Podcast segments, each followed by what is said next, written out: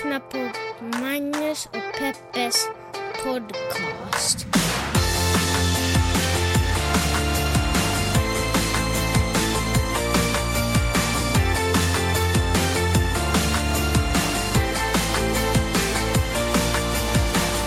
God morgon internet och hjärtligt välkomna ska ni känna er till den här podcasten som heter Magnus och Peppes podcast. En liten podcast där vi pratar om de stora och de små händelserna i världen och så gör vi det ur ett journalistiskt, feministiskt och mediegranskande perspektiv. Alltså hur många gånger har jag sagt det här? Det är sjukt. Det är fan sjukt. Alltså, vet du vad, jag satt och tänkte på andra saker med Heter det, heter det jättekonstigt. Eh, hur har, hur har veckan varit? Magnus, det har varit en bra vecka. Berätta varför då? Jag har jobbat en del, jag har ridit en del, Mm. Okej. sprungit lite, träffat vänner, Kan man säga att det var en gott och blandad påse? tagit författarporträtt för min nästa bok. Okej. Väldigt kul faktiskt. Vad är det för skillnad på ett författarporträtt och ett vanligt porträtt? Författarporträttet kommer liksom på, när man öppnar boken så kommer det ofta där på Okej. insidan. Jag förstår. Hur frågar du då? Det, det var konstigt. Men hör du, eh, berätta. Hur tar man ett bra författarporträtt? författarporträtt? Vet du Magnus, nu ska jag berätta för dig. Mm. Nej men så här är det, jag håller ju på med en kapitelserie för barn med tema hästar. Mm. Och när den första boken kom ut, Heter det kapitelserie? kapitelbok för barn heter det. Mm. Nej men när, det, när man säger barnbok så tänker folk kanske bilderbok, därför brukar jag säga kapitelbok. Ja, ja, ja. Det här det. liksom Mm. med text. I alla fall.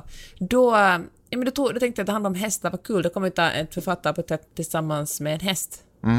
Och så gjorde jag det och det blev otroligt fina bilder, men det visade sig vara ganska svårt att ha ett sånt författarporträtt, för det författarporträttet behöver man använda i andra situationer också. Typ Mm. man ska tala på bokmässan och så behöver de en bild på en, eller så ska man skriva en krönika som har någonting. Varför kan du inte ha på dig själv och en häst? Därför att om alla andra människor som är deltar, som valt att skriva den här krönikan eller liksom ska tala den här panelen på bokmässan, har bara ett huvud, så är jag ett huvud och ett hästhuvud, eller liksom en helkroppsbild. Det blir liksom, det blir inte estetiskt snyggt trots att hästen är så fin. Nej, jag fattar.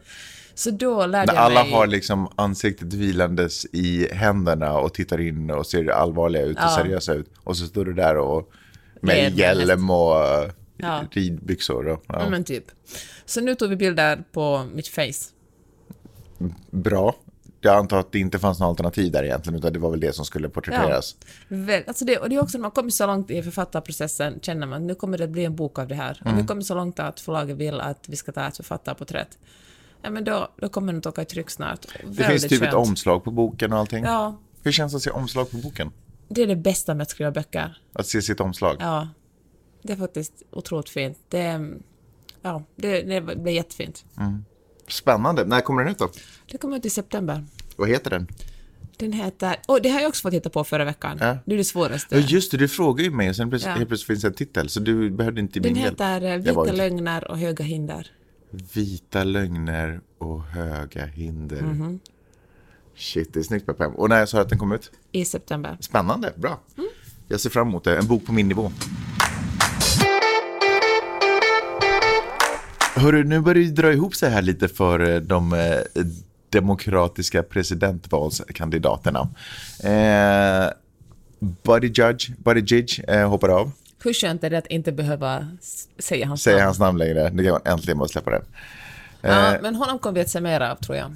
Alltså kanske inte just i det här valet, Men, men, typ poppa upp i någon film liksom, eller vadå? Nej, men i en framtida val. Jag tror att han har fått mer smak för, eh, för, att, eh, för presidentkampen. Skulle du säga att det har gått bra för honom? Ja, men det måste man ändå säga. Mm. Han kommer från en pytteliten plats jämfört med många andra och, eh, och så har han kommit så här långt i presidentvalet. Det jag alltså, han, och plus att han är gay, det har ju aldrig hänt förut. Nej, det jag inte riktigt fattar är varför han la ner.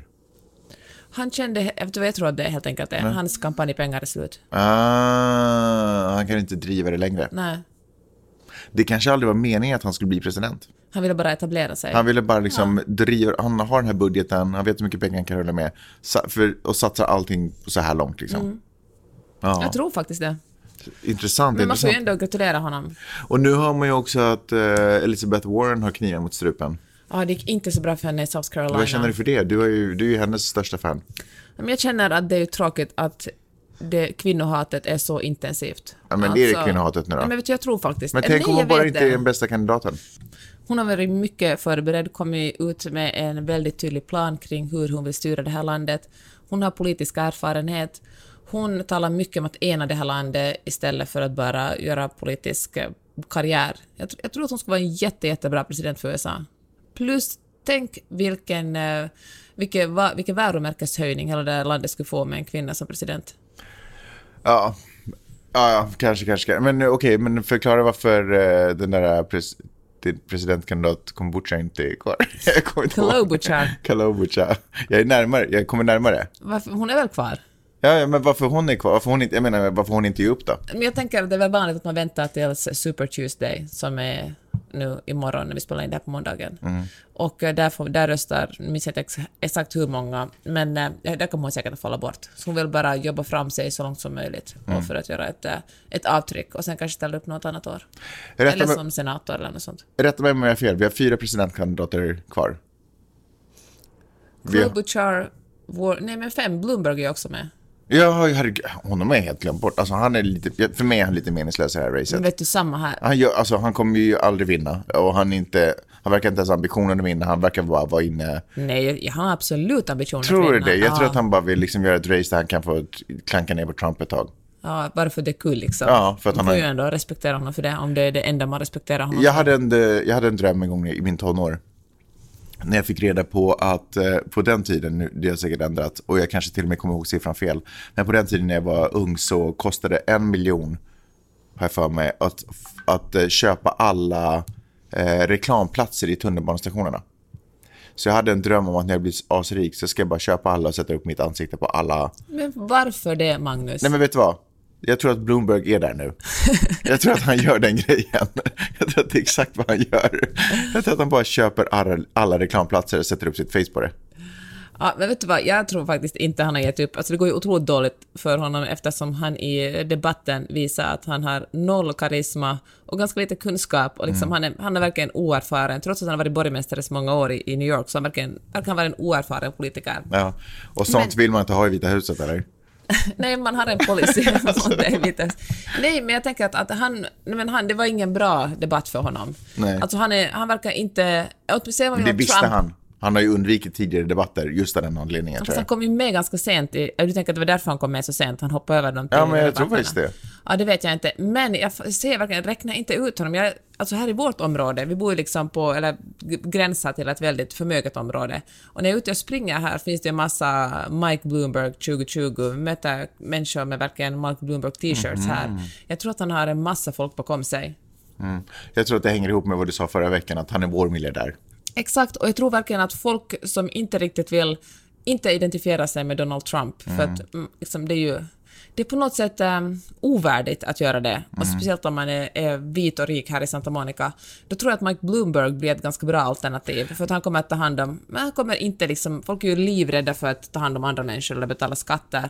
Och man tänker att Mike Bloomberg är men han är någon som kommer att se till att de rika fortfarande får vara rika, för han vet hur det är att vara rik. Medan Bernie Sanders eller Elizabeth Warren, de kommer liksom att dela på kakan och se till att, att de som är fattigare också får en chans i livet. Jag tror inte någon skulle uttrycka sig exakt så här, men, eh, men jag är faktiskt förvånad över att så många Mike Bloomberg-skyltar.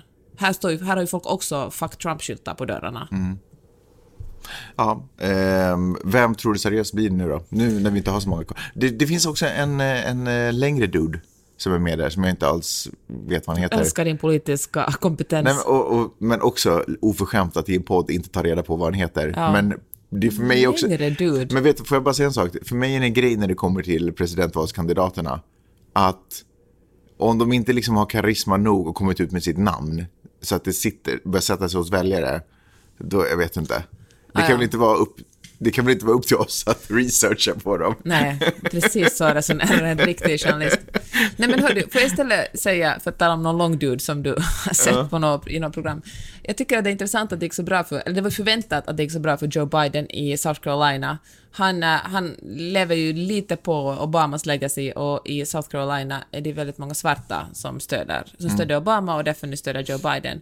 Och han har ju fått en helt annan fart i sin kampanj nu. Och jag lyssnade på Han var väldigt ute. han var verkligen, och han såg till och med så energilös ut. Han liksom utstrålade förlorare.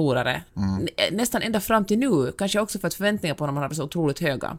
Men gjorde han en remarkable comeback i eh, South Carolina. Och jag lyssnade på en podd häromdagen, jag tror det var en, en, en NPR-politikpodd. De pratar om att uh, många inom det demokratiska partiet vill verkligen att, uh, att Biden ska bli vald. Mm. Det känns mindre skrämmande än, än uh, Bernie Sanders.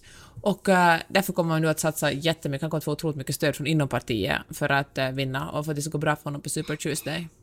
Får jag bara säga att eh, Warren alltså inte har eh, gett upp sin presidentvalskandidat, kandid, Kandidatur. kandidatur, fast det kanske lät så. Men hon har verkligen kniven mot strupen. Men frågan är, kommer hon ha finanser, har hon finanser att komma tillbaka? Nu vet jag inte exakt mycket, hur mycket pengar hon har, men hon är med än så länge. Alltså, hon har ju inte lika mycket pengar som Mike Bloomberg, men tydligen så biter hon sig fast. Eh, den här presidentvalskandidaten som jag pratade om tidigare också, han heter Tom Steyer. Och- Också miljonär. Och miljardär dessutom. Så han var ju egentligen redan en Bloomberg, förutom att han inte har, vad jag vet, ett superdåligt rep som, som till exempel Bloomberg har. Nej, alltså han talar desto mycket om eh, klimat, hur viktigt det är att Exakt, vi... det är hans stora, sådär, ja, vad den heter. Klimatförändringen. Mm. Eh, Okej, men eh, berätta vidare.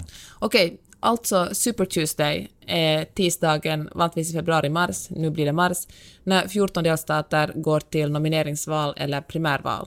Och eftersom det är så pass många delstater så gör det samtidigt så blir det en liten riktgivning åt vartåt USA lutar. Och i USA och i amerikanska medier så älskar man att dramatisera och göra saker och spännande. Och därför är Super Tuesday ett fantastiskt namn. För då känner man att woho, nu är det inte, det, är, det här är inte en vanlig är- tisdag. Det är kanske en bra sak att man verkligen Ja, enga- skapar engagemang inför demokratiska val. Det är ett sätt att peppa folk. Okej, med dagens eh, president, presidentvalskandidaturuppställning, vem tar hem den nu då? Fan så spännande. Det är så spännande. Ännu för några dagar sedan skulle jag sagt Bernie Sanders, Ja. men nu kommer Joe Biden starkt. Men jag tror faktiskt att eh, Bernie Sanders har en större chans att slå Trump.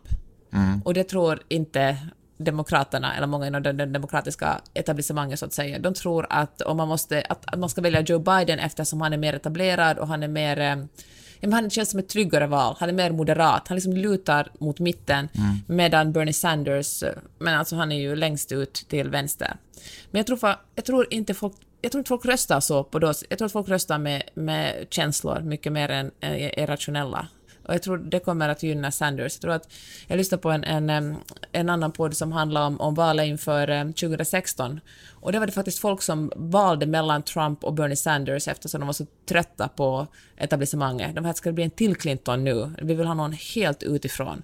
Och, eh, och då, alltså kanske man kan kalla Bernie Sanders också en slags populist, precis som Donald Trump, men kanske en mer, eh, jag menar lite mer sympatisk sån, alltså i sin politik. Så jag tror att, eh, och det, och det är också det som Demokraterna är ute efter nu, jag tror att de satsar mindre på, eller man liksom funderar mindre på det rent liksom politiska partiprogrammen, för att trots att det handlar om presidentval så sätter ju ändå partierna sin egen prägel väldigt starkt på det. Åtminstone efter Trump. Förstår? Man skulle tycka, tro att president är något som, som vakar över hela landet, men det blir ju ändå ganska partipolitiskt. Just också för att presidenten har så mycket makt.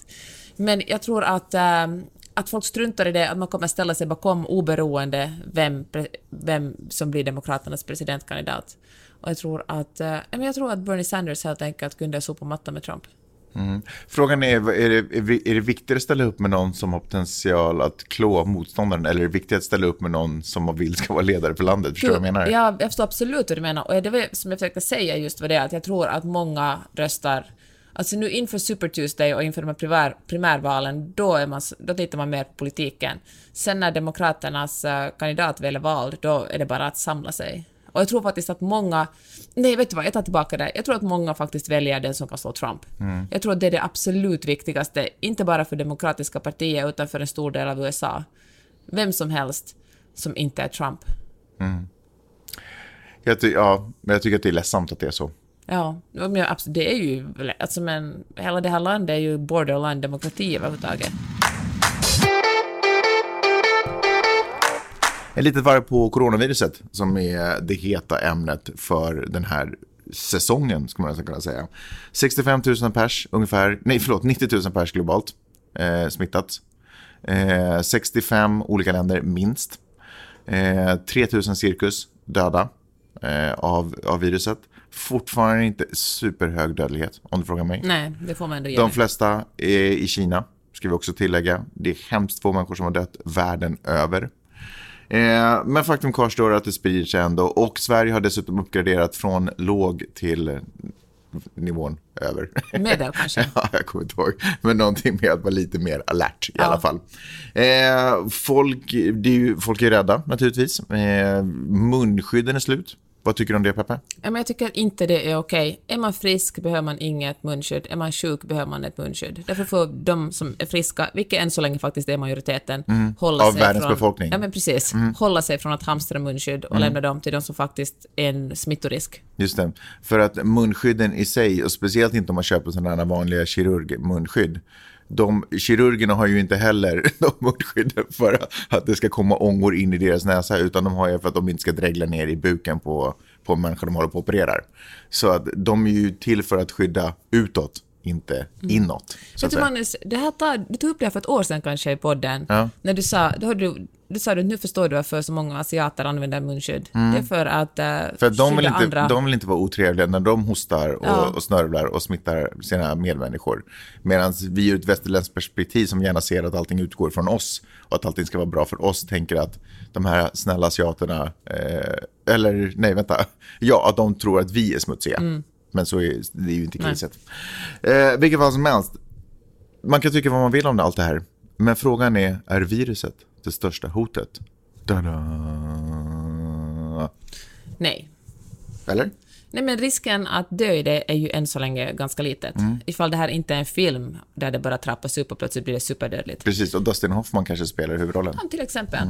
Men än så länge så är ju över 80 procent av de som blir drabbade blir liksom knappt drabbade. Nej. Det är bara, det är lugnt.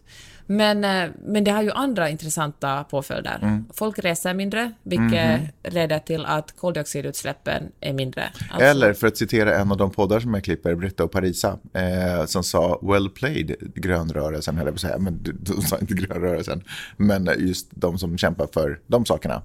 Alltså vi alla. Alltså, nu, Gud vad bra formulerat. det blev jättedåligt. Men om man skulle vara konspiratorisk, tänk om det här var planterad, den här skräcken var planterad av miljöaktivister. Ja, men inte säga sånt här ändå, för man, jag tänker att allt, när det händer sådana saker blir folk lite konspiratoriska Mhm. lätt. Och de, om någon hör dig säga något sånt i podden, nu vet jag inte hur stor trovärdighet du har bland våra lyssnare. Wait? Men tror du menar allvar liksom? Men, Nej. men oavsett så är konsekvenserna, effekterna av coronaviruset Ja. är att vi är livrädda för att flyga och verkligen till och från Kina. Ja. Eh, vilket gör att luften i Kina är supermycket bättre. Ja, Synd bara att kineserna inte vet om det för de går omkring med munskydd. Men, och andas fortfarande in sin egen andedräkt. Eh, men, eh, och folk är ju också rädda för att resa till andra, åt an, i andra håll i världen eftersom de är rädda för att inte komma tillbaka in i USA till Mm. exempel. New York Times varnar för, jag vet inte om det är de själva som varnar för det, om de använder sig av någon form av offentlig officiell WHO-lista eller någonting. Men det varnas för att resa naturligtvis till inland, Kinas inland. Eh, man får absolut inte åka till eh, Italien, 600 fall där. Man får absolut inte åka till Iran, 1500 fall ungefär där. Eh, Problemet med så här totalitära stater som Iran då till exempel är att man och inte riktigt... Italien. Nej, inte Italien, men Iran, att man inte riktigt vet om det de uppger stämmer. Nej, precis. Har ju smittan, smittat väldigt många som sitter i, eh, alltså ayatollorna och ministrarna i regeringen. Har det smittat många ayatollor? Vad säger Ja, du? men alltså många som sitter, alltså många som verkligen, han som är hälsominister Var kommer den här informationen ifrån? Han som är Ja. hälsominister är ja. smittad och han, han ville inte alls först be- bekänna Nej, sig nej. att, han, att det var ett problem eller att han var smittad. Och nu är det en annan minister, en kvinna som också är smittad. Och, eh, ja, men de Var kommer den här informationen ifrån? tona ner det, New York Times. Okej. Mm. Oavsett, så man ska vara lite försiktig och så här är det. Om flygplan inte kan åka, då bör det påverka ekonomin. För det är inte bara människor som åker med flygplan. Det är också varor som åker med flygplan. OECD eh, meddelar här att den största, det här kan vara den största faran sedan finansknisen, eh, sedan finanskrisen. Eh, börserna rasar ju. Vi tog ju ut våra sparpengar i, i sista sekund nästan. Eller en del av dem. Ja, eh, hade en jävligt rolig kväll kan man säga i Los Angeles. eh, vi tänkte att vi kommer ändå inte se dem om de It's är the end of the world liksom. vi bara, nu kör vi, klackarna i taket. Weed och hela skiten. Nej, inget sånt, jag skojar bara. Eh, men... Eh, men, och och den, den tror jag, du vet, när folk springer, jag tänker på det, för folk springer runt och köper eh, munskydd för sina sista pengar ungefär. Medans det kanske inte är det som är det stora hotet. Förstår du vad jag menar? Att det är ju egentligen, det är ekonomin som kommer få sig den största smällen. Ja, men verkligen. Och ett problem i Kina sägs ju vara det också att uh, människor är i karantän nu, men, och den kinesiska ekonomin går ju inte alls som på räls. medan, som den brukar göra. Och det här tycker jag Kina såklart är ett problem. Och de är rädda för att uh, karantänen kommer att uh, avslutas tidigare än vad som skulle vara bra för folket och folk kommer att bli sjuka och gå på jobb och då kommer denna coronaviruset börja spridas mycket snabbare igen. För nu har, eh, medan, eh, an, medan eh, de sjuka, antalet sjuka ökar i andra länder, hade ju verkligen saktat ner spridningen i Kina just för att de har varit så Nej, men satt folk i karantän och det är tomt på gatorna och verkligen nått ut till folk att stanna hemma. Men om de inte är tillräckligt tålmodiga för att vänta på att folk verkligen blir friska så kan det bli ett nytt, en ny ökning. I Sverige så höjs, eh, höjer Folkhälsomyndigheten risken för allmän spridning av coronaviruset i Sverige från låg till måttlig. En litet snäpp höger. Jag vet inte om det har att göra med den stackars taxichauffören som åkte omkring och var coronasmittad. Alltså han var, Jaha, det har jag inte ens läst om. han var, han hade influensan helt enkelt. Men han var inte coronasmittad? Jo, han var corona, eller inte vet jag, det står att han var coronasmittad. Ja. Men hör du, får jag säga en sak ännu om USA? Det, som, det, som, det, påverkar, inte- det påverkar, påverkar ekonomin här också. Och eh, i det långa loppet kanske det påverkar presidentvalet eftersom Donald Trump har byggt mycket av sin eh, kampanj på att eh, ekonomin går så bra och att han, har, han är liksom ett geni när det kommer till pengar och att sköta ett lands ekonomi. Och eh, då började han med att eh, tona ner liksom problemet med coronaviruset och sa att det här är... Men först, först sa han det som en konspirationsteori från de demokraterna som hade planterat en massa ovisshet bland folket och sen sa han att det inte alls är så farligt, vi kommer att komma fram med ett virus om några månader. Nej, en vaccin. Eh, vad säger jag? Ett virus? Ja. Ett vaccin om några månader. Och det kommer man ju inte att göra förrän om något år liksom på sin höjd. Och, och liksom, men lämna ut en massa information som helt enkelt var osann. Och det är ju inte ovanligt att Donald Trump gör det, men just i det här fallet det påverkar folk väldigt konkret, att den amerikanska ekonomin kommer att gå sämre, kan det verkligen gör, va, göra så att, att folk väljer att inte rösta på honom i presidentvalet i, och, i november? Där är ju fördelen med Bernie Sanders plan att alla har sen gratis eh, hälsovård när han kliver in. Men det är ju alltså det är också ett problem här, för det inte finns gratis hälsovård, det är ju att folk håller tillbaka. Om är man lite sjuk så väljer man att kanske har man lust att betala för att gå till en Mm, läkare? absolut. Nej. Plus att det inte heller finns någon, jag menar, man går till jobbet trots att man är sjuk eftersom man inte, det finns, finns ingen, en, vad heter det, dagpenning, sjukersättning. Nej. Sånt har vi inte heller som frilansare. Men så därför går ju folk i mycket större utsträckning till jobbet. Eller som är rädd för att få sparken eftersom det inte finns några anställningsskyldigheter. Så att USA ju, äh, ja men det här med, det här att, att äh, det som, det kanske gynnar, det som du sa kanske stämmer, det gynnar Bernie Sanders väldigt mycket. För skulle man ha en allmän sjukvård, skulle man ha någon slags säkerhet att kunna stanna hemma när man är sjuk, så skulle ju vi smittor som den här inte spridas på samma sätt. Nej, så är det. Ja, det var det senaste om det corona.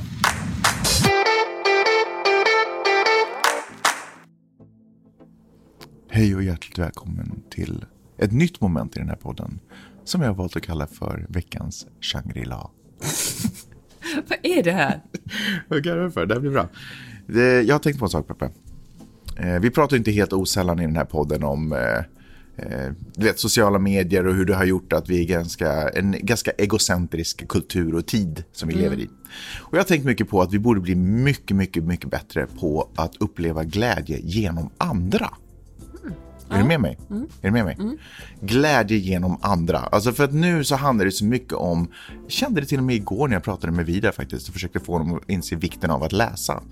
För det känns som att nu så är det så här att en erfarenhet är bara god nog om jag får uppleva den. Kommer du ihåg förra veckan när vi pratade om att det finns en eh, det växer fram en grupp människor som upplever att nu har vi råd att göra de här sakerna. Nu vill vi flyga till Maldiverna och Bahamas. Men nu får vi inte plötsligt det. Fast vi har suttit och stirrat på era, ja, jag har en fin bakgrundsmusik här för, för att göra det mer harmoniskt. Men okej, men jag sänker det lite. och då, eh, som kände så här, men nu har vi suttit och tittat på bilder när ni har varit i Mexiko, i Bahamas och du vet, månen. Och nu vill jag göra det här, för nu har jag råd att göra det här. Men då helt plötsligt får jag inte, för att då är det Vi är alla små barn egentligen. Då är det slut på roliga. Ska du ha, ska jag också ha. Och jag förstår den frustrationen. Men jag skulle ändå vilja lyfta fram betydelsen och vikten av att vi lär oss att uppleva glädje, glädje och erfarenheter genom andra människor. Att vi inte själva måste uppleva allting. Det är liksom inte riktigt det som gör, det är liksom inte det som är styrkan i mänskligheten skulle jag våga påstå.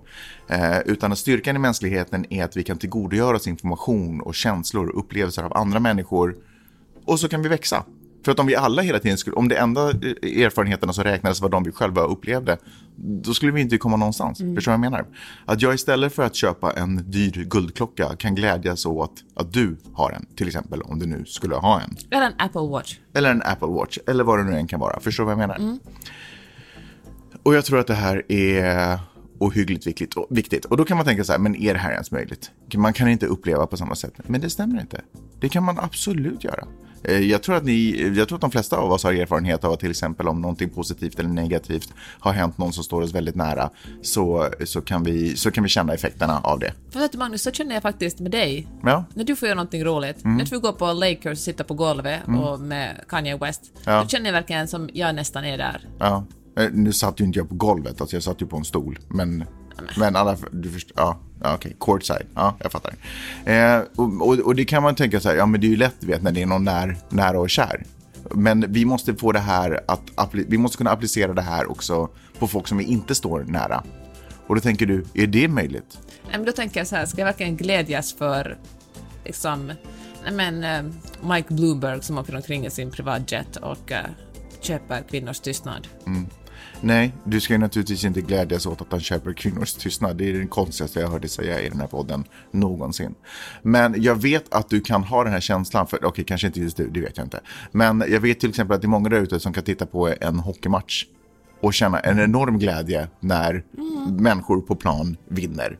Och jag vet till exempel också att människor kan känna sorg för till exempel typ som Kobe Bryant som de aldrig ens har träffat eller på riktigt inte ens känner eller vet någonting om. Men bara situationen av sorg kan vi ju ändå känna. Vi, kan, Vilken fin eh, parallell älskling. Vi- Jag börjar förstå vart du är på väg nu. vi är ju otroligt duktiga ändå på, vi har ju en fantastisk förmåga att ändå känna empati och känna glädje genom andra människor. Det är bara det att nu fokuserar vi så mycket på att vi måste se och ha, därför att det är det som säljs hela tiden, vad du kan ha och vad du kan känna. Och jag tror att vi skulle ha mycket mer att vinna på av att lära oss känna glädje genom andra människors upple- positiva upplevelser. Och det som jag tror är fördelen med det är att vi då också eh, kan lära oss att känna sorg genom andra människors upplevelser och tragedier. Och jag tror att det inte bara kommer göra oss till, en mer, till mer framgångsrika som, som individer faktiskt också, utan också som, som mänsklighet. Därför att vi kan gynnas av folks positiva upplevelser, men vi kan också känna stark samhörighet genom folks eh, mer negativa och fruktansvärda, liksom tragiska upplevelser snarare. Eh, Så det skulle jag vilja slå ett slag för den här veckan. Att jobba kanske mycket på sig själv, att känna glädje, genuin glädje för vad andra människor får vara med om. Så fint. Ibland, eh, ja, men ibland gör du någonting bra Magnus. Det ska vara jättefint sagt. Tack! Det var veckans Shangri-La.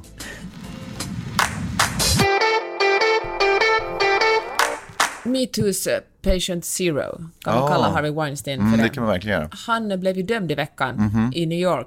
Två kvinnorna som han våldtagit blev han dömd för att ha våldtagit. Och eh, han kan få upp till 20-25 års fängelse för det. Och eh, nu drar han ner till Los Angeles där det finns flera kvinnor som anklagar honom för samma sak och får se vad domen lyder här. Eh, det som jag skulle tala om är en, en grej jag hörde i en podcast. Gud, jag lyssnar mycket på podcaster, men där ser man, man läser mycket. Där någon sa att eh, det finns inget perfekt offer. Jag tycker det var jättebra Vad betyder det? Ja, men det betyder, för jag vet att, att försvaret, Har- Harvey Weinsteins försvar handlar mycket om hur de här kvinnorna efter att ha blivit våldtagna, speciellt den ena, hade upprätthållit kontakt med Weinstein. De hade liksom, eh, de hade ätit lunch och de hade textat varandra och mejlat varandra och då hävdade försvaret att, att om han verkligen våldtog henne skulle hon väl bara ha brutit kontakten. Men så funkar det ju inte i riktiga livet. Det finns liksom, eh, det, alltså våldtäktsoffer och offer överhuvudtaget reagerar på lika många sätt som det finns människor på. Och eh, nu just i det här fallet handlar det säkert delvis om att, eh, eller vad ska jag förklara, men alltså Harvey Weinstein gjorde ju väldigt tydligt att om han inte fick våldta en så hade man ingen chans att jobba med i den här stan, då skulle han förstöra ens karriär. Och då fick man ju välja, ska jag bli våldtagen och arbetslös eller ska jag bli våldtagen och eh, eventuellt jobba i den här stan. Och, men det fastnade, själva det uttrycket “there's no perfect victim” fastnade hos mig. Och jag tycker det är jätteviktigt när man talar om hur... eh, Nej men, kanske till och med speciellt när det kommer till sexuella alltså folk som blivit, som blir våldtagna eller, eller som har utsatts för sexuella övergrepp, att uh, folk reagerar olika. Det finns liksom ingen mall för hur ett, ja, ibland fortsätter man hålla kontakt med förövaren. Mm. Så hur, eh, hur avslöjar man en lögnare? Det är ju inte relevant i det här caset, men hur avslöjar man en lögnare? Jag tänkte att man ska utgå från att uh, det finns väldigt lite för en kvinna att vinna på att anklaga en man för, för sexuella övergrepp. Alltså fram till metoo var det ju liksom var det ju ingen vits att göra det ens eftersom man alltid blev kallad för lögnare och det, det var ord mot ord och mannens ord ändå alltid vägde tyngre. Och det fanns inget sätt att bevisa det så trodde man på mannen som sa att det hände aldrig. Efter metoo, alltså fortfarande tror man ju att folk ljuger. Men jag tror att man måste börja ställa in sig på att, att eh, det är väldigt... Jag menar att, att sådana, sådana frågor ljuger kvinnor inte. Nej. Eller sällan. Alltså det är klart finns det säkert finns det undantag. Men i de allra flesta fall så ljuger inte kvinnor om sexuella övergrepp. Ja. Grejen är att det här är ju, eh, det är ju så, det är ju så grov anklagelse. Eh, att bli anklagad för att ha våldtagit någon. Så, alltså det är ju, alltså, nästan, alltså det är ju mord. Alltså man vill ju inte döma någon oskyldigt för att ha mördat någon heller. Förstår du vad jag menar? Den personen måste ju få en chans att rent få till sitt namn. Eh, och det finns ju fall där folk har blivit oskyldigt anklagade för mord och suttit inne. Eh, men jag bara menar att det måste finnas någon form av... Jag förstår att det inte det är inte en resa man ser in i att nu vill jag, nu vill jag anklaga dig för våldtäkt och så ger jag mig in i den här rättsprocessen och viker ut mitt personliga liv och måste förklara och stå för varför jag, vilka kläder jag bär och vad jag har för vanor och sexuella vanor och preferenser mm. etc, etc. Jag fattar att det inte är liksom, eh, någonting man bara kastar sig in för att man är sur en kväll. Det är inte en hämnd det, en, det känns som en sjuk reaktion på vad den kan vara. Men ändå, hur avslöjar man en lögnare? Ja, alltså jag, jag, vet faktiskt inte. För man kan inte liksom, jag, jag, eller jag, jag är ju ingen jurist, men det känns ju som att oavsett att, caset, oavsett så är det ju inte så att vi, ja men nu litar, du säger det här, då litar vi på det. Alltså det är ju aldrig processen. Fast i rätten måste man ju utgå från att... Uh, att någon är oskyldig tills den är dömd. Eller att folk talar sanning. Nej, fast vänta. Jo, förstås. Annars är det ju meningen, man får ju inte ljuga. Nej. Så är det förstås. Men man är ju också oskyldig tills det att man är dömd ja. för någonting. Men det är väl juryn som måste avgöra det då, och därför är det så bra att jag kom lite vidare i utvecklingen, där man faktiskt börjar tro på kvinnor. Just i det här fallet Weinstein finns det ju, har han ju liksom förgripit sig systematiskt på kvinnor, mm. så det fanns ju över hundra personer som har, som har berättat om sina erfarenheter. Alla har ju inte tagit det till rätta, men det finns liksom en, det finns statistik att, att, kolla, att kolla på. Men, eh, men nej, jag vet, alltså det är ju svårt att... Eh, men eh, ja, det, alltså det är inte lätt. Mm. Nej. För psykologin kan... runt det där får bara bli bättre. Jag antar att det är den som måste utvecklas eftersom inget case är likt och det finns inget sätt man beter sig på efter att man har blivit Men, utsatt för det. Precis, och det viktigaste är kanske att man kan komma ifrån det här att så här, det här är ett offer. Så här mm. reagerar ett offer. Om jag skulle bli våldtagen skulle jag aldrig mer tala med den här personen. Eller då skulle jag skrika på ett visst sätt eller slagits eller... För det är också vanligt att folk bara, att om man blir våldtagen, att man bara liksom blir paralyserad, man bara ligger och, och liksom prickstilla, man kan inte röra sig, det är så vidrigt. Mm. Och så att, äh, så nej men alltså kanske kunskap om äh, vad som händer. Ja men som du sa, bli bättre på psykologi. Mm. Psykologin runt det där. Ja, eh, och kanske också komma att förstå att, äh, att våldtäktsmän är inte en viss sorts män, utan det är liksom det kan vara att man har någon sån i sin bekantskapskrets, att man gillar den väldigt mycket. Det kan vara en superrolig person. Som samt, att folk kan vara många saker samtidigt. Mm. Noterade du hur han inför rättegången liksom kom eh, skrangligt lutad mm. över en rollator mm. typ och bara, du vet, jag tycker så, jag menar, jag, jag tvivlar inte på att han kanske är sjuk och skräplig och har fått sig en otrolig törn av att hans liv bara kastats omkull och hela hans, du vet, mm. allting bara rämnat under hans fötter. Men eh, också den här cyniska, jag, jag, känner också en sån här cynisk, liksom, Alltså hela den här... Ja, ett skådespel, Ja, att han ska framstå så otroligt svag nu ja. för att man ska känna åtminstone någon Empati form av medlidande för ja. hans situation. Eh, och kanske inte döma honom så Nej. hårt liksom, för det här. Men det är också den här kontrasten till den här uh, självklara uh, buffen som folk var rädda för ja. och som, du vet, som porträtterades i entourage som liksom en hotfull, kraftfull man som bara satt, men verkligen kung över det här mm. landskapet. Och nu, nu liksom knappt tar sig in på egna ben in i rättssalen och nu dessutom sitter i ett ganska beryktat fängelse i Kalifornien om jag inte minns helt fel. Eh, men åtminstone riskerar att dömas till att göra det. Ja. Eh, I många, många, många, många, många år. Alltså hur bara... Ja. Sjuk, alltså, ja, konstigt. Tror du det kommer att göra film om, göras film om uh, Harvey Weinstein? Jag kan säga så här. 290 procent. Jag vågar sätta mina sista pengar. Alltså jag ska... Ja, det var ju därför vi tog ut pengarna innan, innan börsen kraschar. Du investerar i filmen? Vi ska investera i den filmen. det, blir, det, blir pensions, det blir pensionssparet, Ja. kan jag säga. Ehm, grymt. Har vi något mer? Vi tar det sista. Okej. Okej. Jag tänkte att du skulle bjuda på en liten rekommendation. På vad då? vad ska jag rekommendera? Vet du vad? Du ska rekommendera en tv-serie.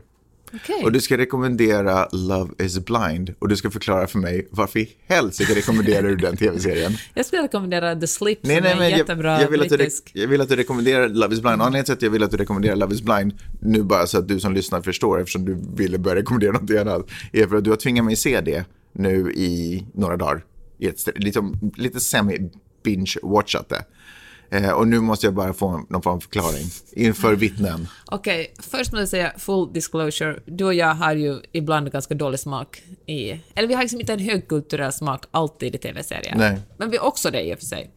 Vi, men det är ett brett spektrum av saker vi kollar på. Men jag touchar den här medelpunkten lite underifrån och du touchar den lite uppifrån. Du, du, du studsar upp till någon fransk, real, eller någon frans, fransk verklighetsskildring och jag faller ner till någon Bruce Willis action. Ja, och så träffas vi nog ibland på mitten. Ja, och fast, så träffas ibland i Love is blind. ja, fast det är ju kanske nog närmare Men- din genre. Strunt samma. Rekommendationen, Men, varför? Alltså jag började ju kolla på den, först såg vi ett halvt, ett halvt avsnitt och då kände jag nej, och du kände ännu mer nej. Men Mm. sen skrev, alltså folk var besatta av den i Sverige, folk skrev så mycket om den och krönikor hit och dit och då kände jag att jag är tvungen att kolla på den här. Eftersom du är trendkänslig. Och eh, den blev, alltså det är som att kolla på The Bachelor. Mm. Det var liksom en modern version av The Bachelor. Men är den bra nu? Är den bra den här serien? Så vad det handlar om är att folk eh, träffar varandra i blindo. Eh, Det är, en, det är liksom ett Big Brother, Big, Big Brother slash Bachelor scenario där män på ena sidan av en, en vägg eh, möter kvinnor på andra sidan av en vägg och så har de tu, på tu hand eh, ögonblick och på något sätt lär känna varandra genom samtalet. Och så har de, håller de på så några dagar, dagar tills det kommer, kulminerar i att en av dem friar. Eller till, så att- Utan att ha sett varandra. utan att ha sett varandra. Kommer de våga fria? Kommer de våga lite, känner de varandra så bra nu så att de kan fria? Och så gör några det. Och sen så plockas de ut ur det här scenariot och så sätts de i lägenheter och hem och får åka till Mexiko bla bla och för att lära känna varandra på riktigt. Och så ska de gifta sig eh, en månad senare och det, någonting sånt.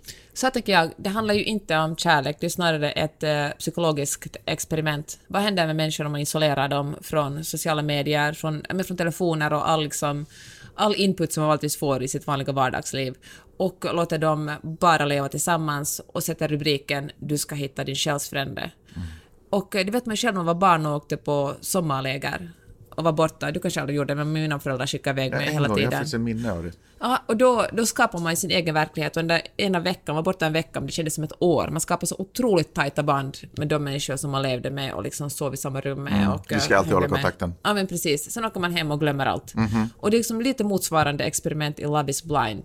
Alltså man, eh, man blir eh, isolerad från omvärlden och har bara ett mission och det är att bli kär i någon. Mm. Och det ser man ju tycker jag också på de här paren, så fort de kommer ut i... Sen får de ju åka till Mexiko på en kort mini-honeymoon liksom, och då är de ännu ganska förtjusta i varandra. För de är det- fortfarande isolerade, inga telefoner, ingenting. Nej, ju- eller fick- De får nej, sen just efter. det. Men sen så fort de kommer tillbaka till verkligheten, så går på jobb och får sina telefoner och liksom börjar bli sig själva igen, då börjar det ju knaka i fogarna för väldigt många. Mm. Och tycker jag också det är intressant att se hur, eh, hur man verkligen kan ha en jättebra kemi på varsin sida med vägg, men funkar inte den fysiska kemin är det, fan, det är svårt att ta det vidare till ett äktenskap då. Jag tror att det här eh, serien var en fälla först. Vad betyder det? Att, att, du, att det här var, det, du försökte så här, för det är ju väldigt romantiskt. Speciellt när de sitter i poddarna stundvis. Och de bara öppnar upp sina hjärtan för varandra. Och så får de se, så du vet, har de friat. Och så ska de få se varandra för första gången. Och de bara, oh my god. Och det är bara vackra människor som har valt Ja, till det här det är bara programmet. enormt så det var så här, du vet, nästa säsong, säsong kommer inte vara svår att fylla kan jag säga. Nej. när alla vet att det är safe liksom. Men, eh, och du vet, och hur känns det samtidigt när de springer fram till varandra och bara, oh my god, I love you. Du vet. Så jag tänkte att det här, du försökte sådär eh, väcka någon form av roman, eh, Ja. liksom återuppväcka någon eh, form av romantisk, alltså någon förälskelseperiod i, i vår relation. Att det var en fälla. Och det är så jobbigt för det ena paret har hon tappat sina Men hallå, jag fjärilar. pratar om en grej här. Du pratar om paret igen. Ja, men du tänkte att jag skulle ha tillbaka mina fjärilar i magen. För det håller de på att jobba på. Det ena paret, hon bara känner inga fjärilar mer. Han bara, men hur ska du få tillbaka dina fjärilar? Man bara, when they're gone, they're gone. Mm. Men, men du är ju ganska romantisk, Magnus. Du gör ju ditt bästa. Så det var, det var inte därför du ville var att vi ingen skulle titta på fälla. Skulle du säga att det här är ett Och det är väl inte en fälla att liksom Nej, nej, välja men vara romantisk? Fälla Det väl- lite inom situationstecken lite humoristiskt. Men hördu, är det, skulle du rekommendera det här som ett, ett romantiskt program för, män, för ett par som... Eh, nej men att titta på, nej men du vet, som en, romanti, en romcom liksom. Är det, är det en sån Nej, det är det ju verkligen inte. Man blir ju snarare lite nedslagen. Okej, nu, Men- nu pressade jag den här rekommendationen på dig. Är det här en rekommendation från dig? Nej, alltså Det det... Nej, men det kan jag väl ändå inte säga. Jag tycker det är ju... Well wasted 10 minutes, I might say. Nej, men jag har ju, men tvärtom har jag ju liksom tagit den här kulan för ni som inte har sett den. Mm. Alltså, det är ju intressant att se vad folk håller på och snackar om. Nu, gör vi, nu späder vi på liksom intresse för serien ännu mer eftersom vi talar om den. Men jag säger så här, alltså ni måste verkligen inte se den. nej, man kan leva utan den. Ja. Ja. Ni får se Om du den. känner ett starkt behov av att se Bachelor, då kan du titta på det här också. Men om du inte hade ett sånt behov från början, det här kommer inte tillföra Gå någonting. i tillbaka till Paradise Hotel då. Tillbaks till Paradise, baka hem dit, d- Ja. till det vi känner bäst. Bra, eh, då skulle jag vilja avsluta med en sista grej, nämligen en liten låtrekommendation. Okej. För att pumpa igång dagen. Ja. Veckans låt. Oj. Är du med? Ja, Purple Hat. jag visste det. Då kör vi. Tack så hemskt mycket för att ni har lyssnat den här veckan och vi, vi hörs om en vecka snart igen. Hej då! Hej då! Purple, purple, purple, purple hat, cheetah print, dancing on the people, rolled up at the after joint, dancing, dancing on the people, people dancing on the people. I got people on the people, people dancing on the people, with the people on the people, smoking CO2. See me, see you dancing on the people, climb up on the booth, hanging from the people on the people. My head is the roof, dancing on the ceiling on the people. I got people on the people, dancing, dancing on the people. I got purple hat, cheetah print, dancing on the people, rolled up at the after joint, dancing, dancing on the people, people dancing on the people. I got people on the people, people dancing on the people, with the people on the people, smoking CO2. See me, see you dancing on the people, climb up on the booth, hanging from the people on the people. My head is the roof, dancing on the ceiling on the people. I got people on the people.